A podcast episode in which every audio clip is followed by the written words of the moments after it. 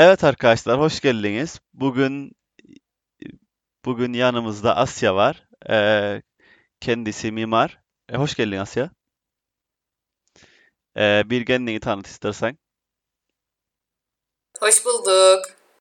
Tamam. Ee, adım Asya. Zaten sen de tanıttın beni. Ee, şu an 26 yaşındayım. Lisede yakın doğuda okudum.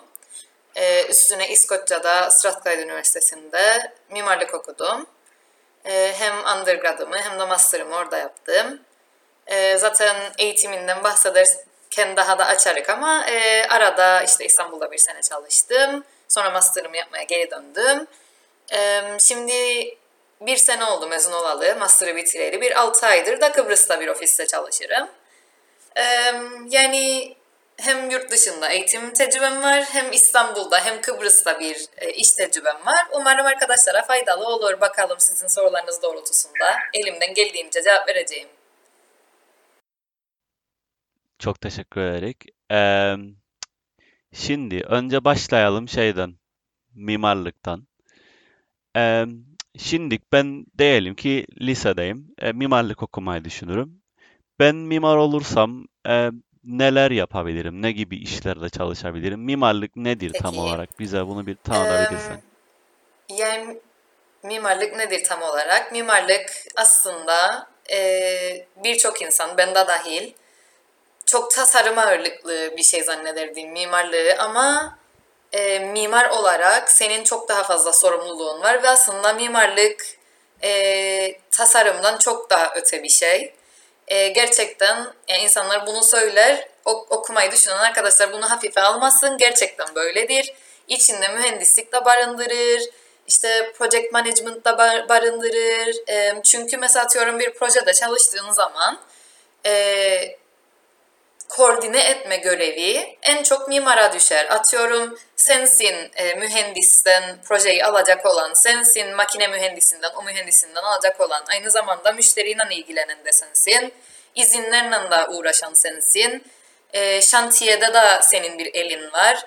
Yani çok fazla şeyi kapsar. O yüzden çok fazla sorumluluk sahibi olman gereken bir meslek. E, Bu dediğin bu, bu dediğin Kıbrıs için mi yoksa genel olarak Yo her genel yerde olarak her yerde böyledir. Yani em, şeyde de İskoçya'da da okurken bayağı em, practicing işte çalışan mimarlarla e, bayağı diyalogumuz olurdu okulda. Orada da böyledir. Em, Kıbrıs'ta da böyledir.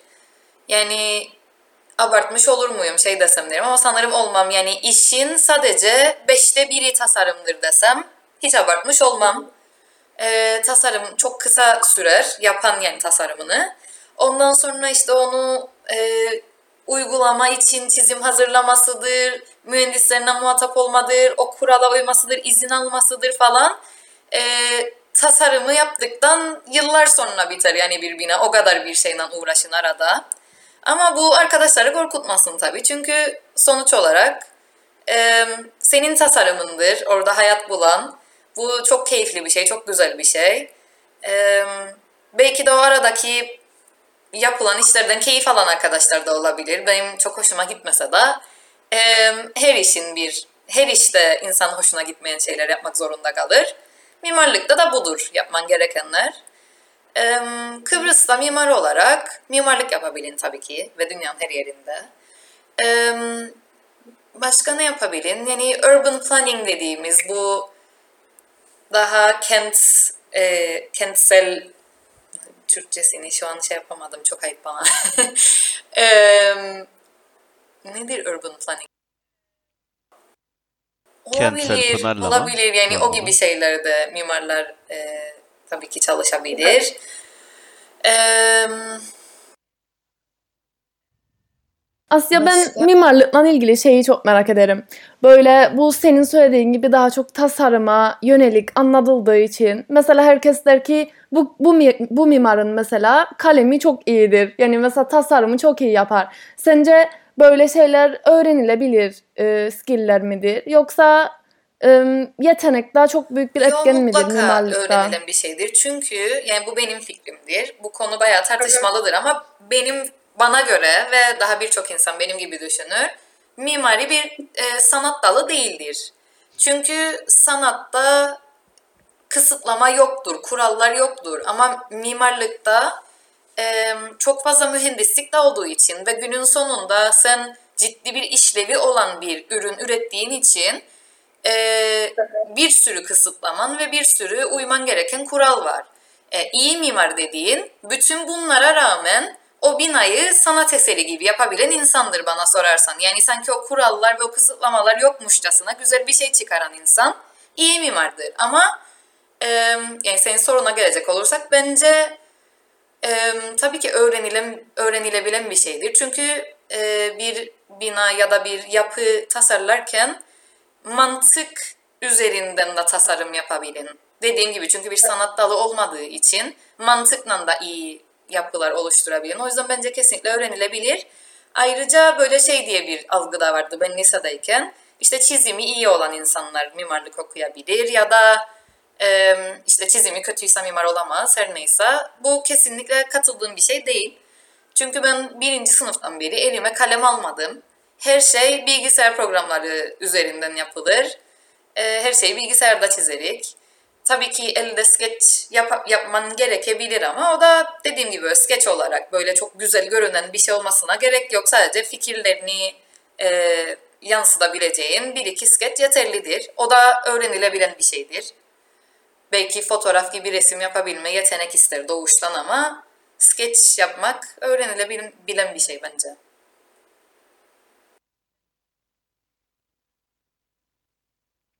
Evet. Yani teşekkür ederek bunlar için.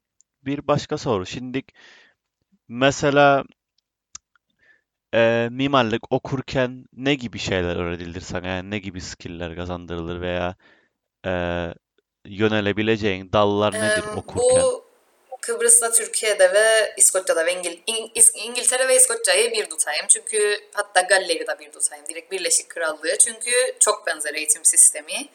Birleşik Krallık ve Türkiye ve Kıbrıs çok farklıdır eğitim açısından. Mesela e, bize hiç bu bahsettiğim bilgisayar programlarını hiç öğretmediler. Bu AutoCAD'dir, ne bileyim, 3D Max'tir. Bize hiç öğretilmedi okulda bunlar. Bizim dışarıda kendimiz öğrenmemiz beklendi. Ama bilirim ki Kıbrıs'ta ve Türkiye'de direkt bunların dersi var üniversitede. Bunları öğretirler ve bunlar üzerinden sınava giren. Ve keşke bize de öğretilseydi derim. Ama eğer yani yu- yurt dışında okumak isteyen arkadaşlar varsa e, liseden başlasın derim öğrenmeye. E, kendileri YouTube'dan, tutoriallarından falan da öğrenebilir. Ben öyle yaptım. Ayrıca işte Kıbrıs'ta ders veren birkaç kişi var. Ben onlardan da ders aldım. E, bunlar bu ana fark. Bir de e, nasıl ne öğretilir?